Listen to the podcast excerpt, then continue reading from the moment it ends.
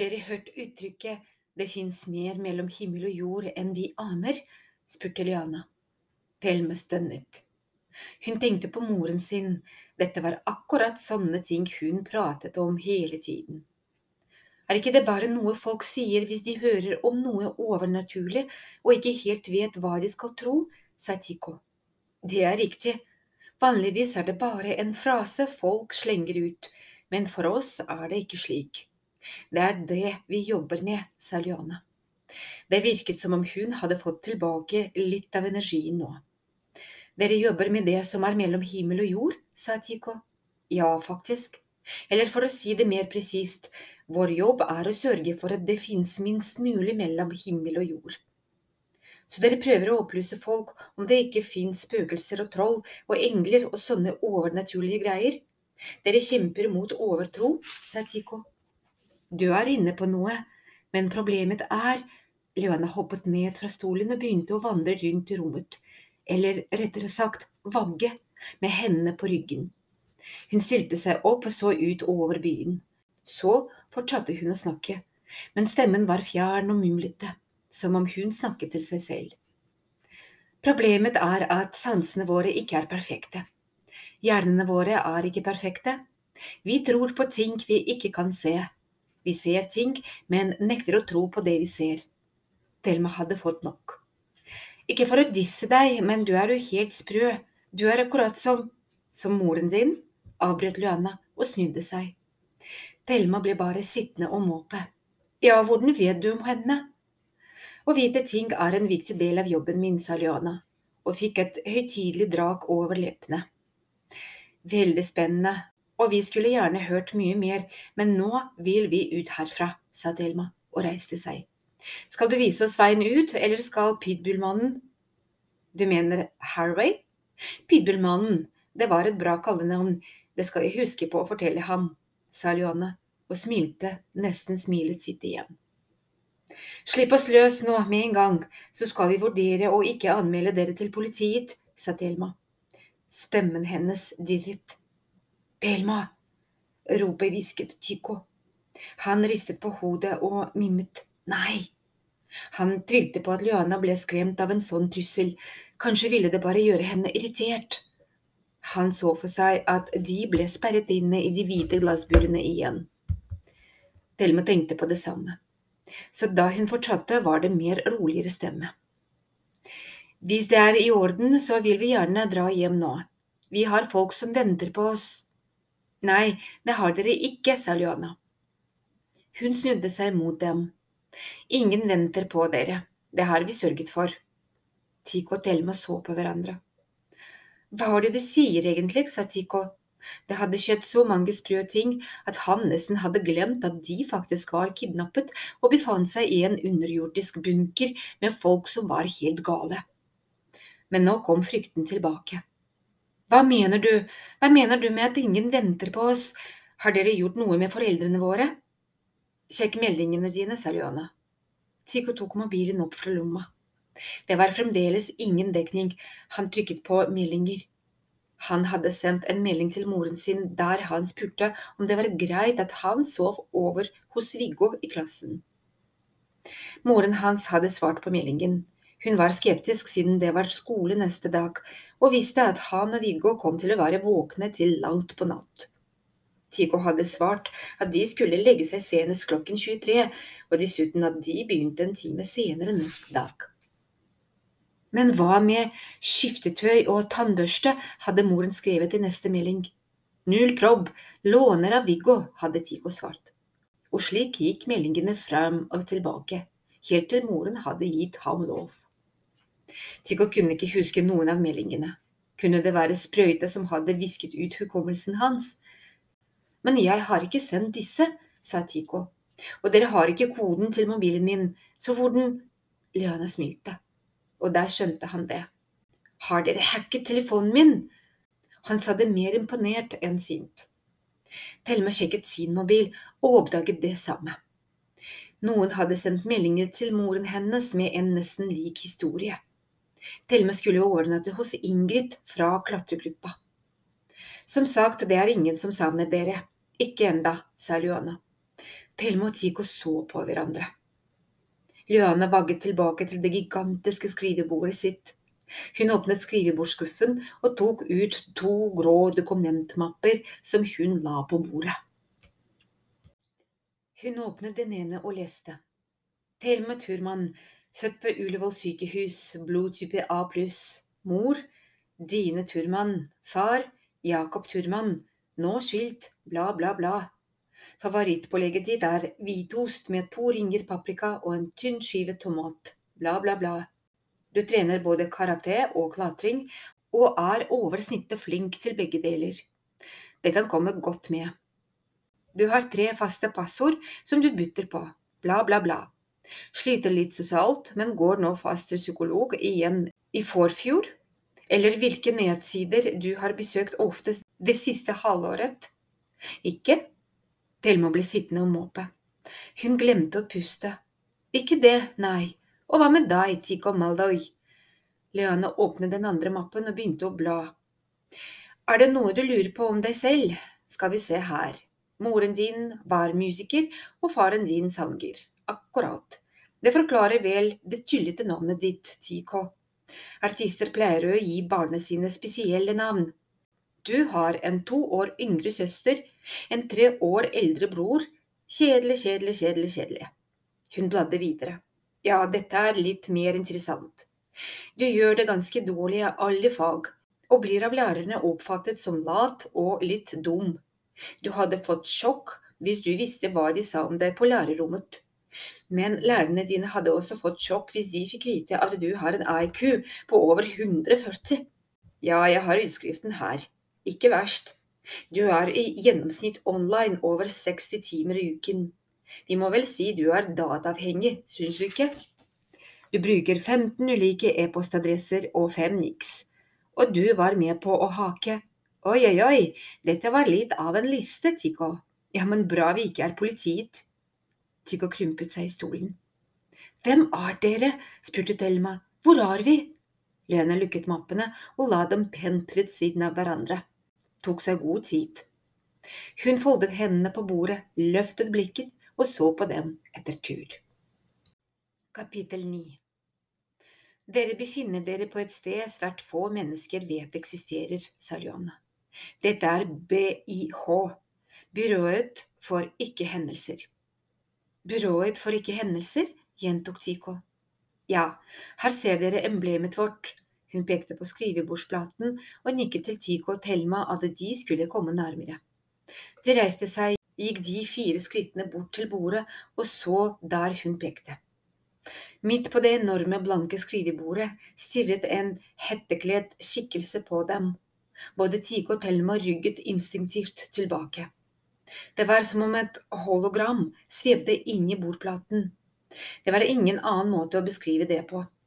Øynene til munken eller ridderen eller hva det skulle forestille, var skjult under hetten. Likevel følte de begge at han stirret. Han holdt begge hendene opp foran seg. Ut av håndflatene strømmet to ormer som delte seg opp til flere ormer før de ble til et flettverk, et ormetau som dannet en sirkel rundt mannen. Og utenfor det buktende ormetauet svevde merkelige tegn og symboler. Noen så ut som meitemark. Noen så ut som matematiske formler, noen som helleristninger fra steinalderen. Mens andre så mer ut som språk, kanskje hebraisk eller arabisk, gjettet Thelma. Utenfor der igjen svevde alle mulige fabeldyr og monstre flyvende drager, en dame med glefsende hundeansikt, en mann med et stirrende øye i panna og en tynn skapning som ikke kunne være noe annet enn et romvesen. Thelma tenkte på et maleri fra middelalderen hun hadde sett i en bok der kunstneren hadde malt helvete slik han så det for seg. Den eneste teksten som det var mulig å lese, sto med snirkelskrift nederst. Ordo templi chargoli Noce vigiles. Gargolieordenen, nattens voktere, oversatte Luane. Det var navnet vårt helt i starten, men det hørtes så gammeldags ut, selv om vi ble offisielt grunnlagt i år 325, må vi da følge litt med i tiden, syns dere ikke? Luane strøk hånden over skrivebordet, og hologrammet forsvant. Wow, utbrøt Tico. Det var nesten som magi. Nesten, sa Johanne og fikk et ertende glimt i øynene. Igjen kjente Thelma et lite stikk av irritasjon over Tico. Skjønte han ikke at det lille rynketrollet bare prøvde å imponere dem? Og det var jo imponerende, men som dere sikkert har skjønt, er ikke dette et vanlig sted, sa Luana. No kidding, sa Delma syrlig. Vi jobber med ting som ikke fins, og vi fins heller ikke, sa Luana, og laget noen snøftelyder som de skjønte var latter. Ja, det er selvsagt litt spøkefullt sagt, la hun til, før hun ble alvorlig igjen. Jeg skal forsøke å forklare det så enkelt som mulig, sa Luana. Vi er ikke kriminelle. Vi… Hallo, dere kidnappet oss, dopet oss ned, hakket mobilene våre og samlet inn personlig informasjon om oss, sa Tico. Og hva forteller det deg, Tico Maldoi, sa Liana. Stemmen hennes var kvassete nå. Brilleglassene fikk øynene hennes til å se ut som to speilegg med grønn plomme. Tico ble spak. Han skjønte hva hun mente. Det forteller oss at dere har makt til å gjøre hva dere vil med oss, mumlet han. Korrekt. Ti poeng til Tico Malloy. Diplomet kommer i posten, sett dere nå, sa Luana. De gjorde som hun sa. Men dere trenger altså ikke være redd oss, fortsatte Luana, litt mildere i stemmen nå. Vi har ikke tenkt å skade dere, tvert imot. Så nei, vi er ikke kriminelle. Vi er heller ikke en del av politiet, militæret eller staten. Ingen andre bestemmer over oss, og vi finnes i alle verdensdeler. Så hva driver dere med når dere ikke kidnapper folk, sa Thelma, hvis det ikke er for frekt å spørre om. Det bringer oss tilbake til mellom himmel og jord, sa Johanna. Mesteparten av tiden bare venter vi. Vi venter og følger med. Vi forbereder oss, vi trener. Og når vi oppdager mistenkelig aktivitet, rykker vi ut for å gjøre det vi må gjøre. Som å kidnappe folk, sa Thelma. Nå var det Tigos tur til å bli irritert på Thelma. Han satte øynene i hendene som for å spørre hva driver du med? Thelma blikket ham tilbake. Hva? Som om hun ikke skjønte hva han mente. Særlig. Thelma skjønte. Eller burde skjønne. Hvor smart var det å provosere sine egne kidnappere? Folk som tydeligvis kunne gjøre akkurat som de ville. Heldigvis virket det ikke som Luana tok seg nær av det. Nei, å kidnappe folk gjør vi bare sjelden, og bare hvis det er nødvendig, sa Luana. Så lente hun seg fremover skrivebordet og så på dem etter tur med oppspilte øyne.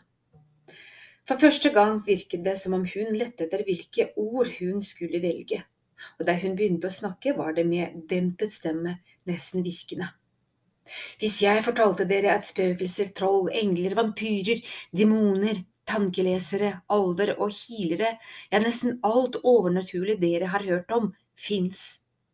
Ikke bare i fantasien, ikke bare i bøker og TV-serier og filmer, men fins i virkeligheten. Hva ville dere sagt da? Thelma og Tico så på hverandre. Begge tenkte det samme.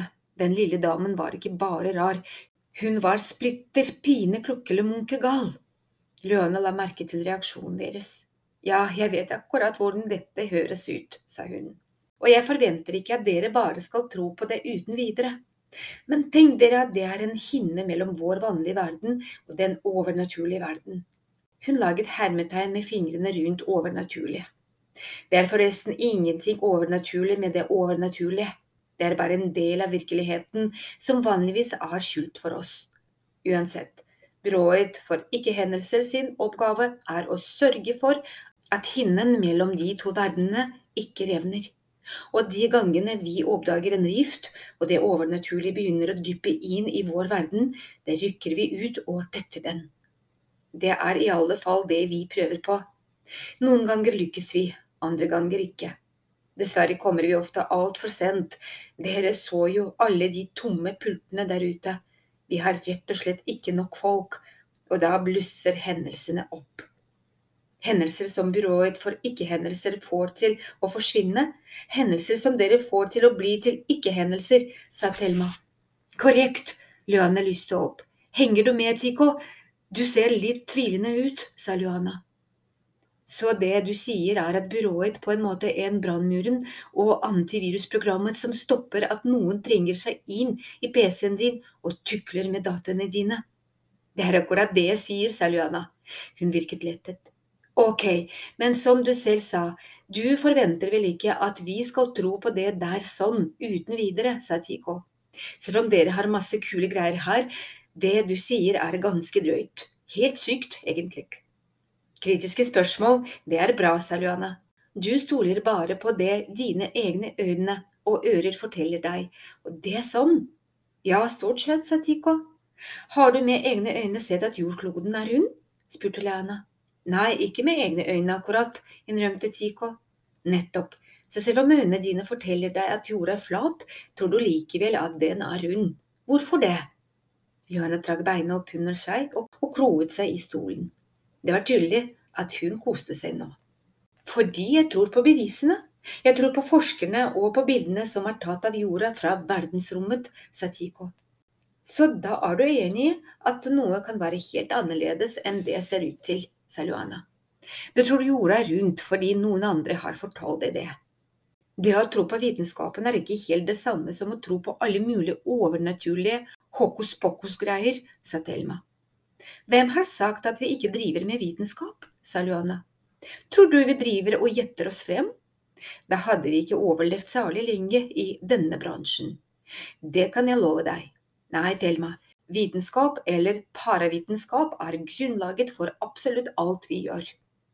Thelma Tyka merket at det ble litt dårlig stemning nå. Luana ble sittende i egne tanker og stirre rett frem gjennom de tykke brilleglassene sine. Forresten så spiller det ikke så stor rolle hva dere tror, for snart kommer dere til å vite. Det hørtes nesten ut som en trussel. Luana hevet hodet og så på dem, og Tyko og Thelma så på hverandre. De visste mer enn nok, de ville bare ut herfra.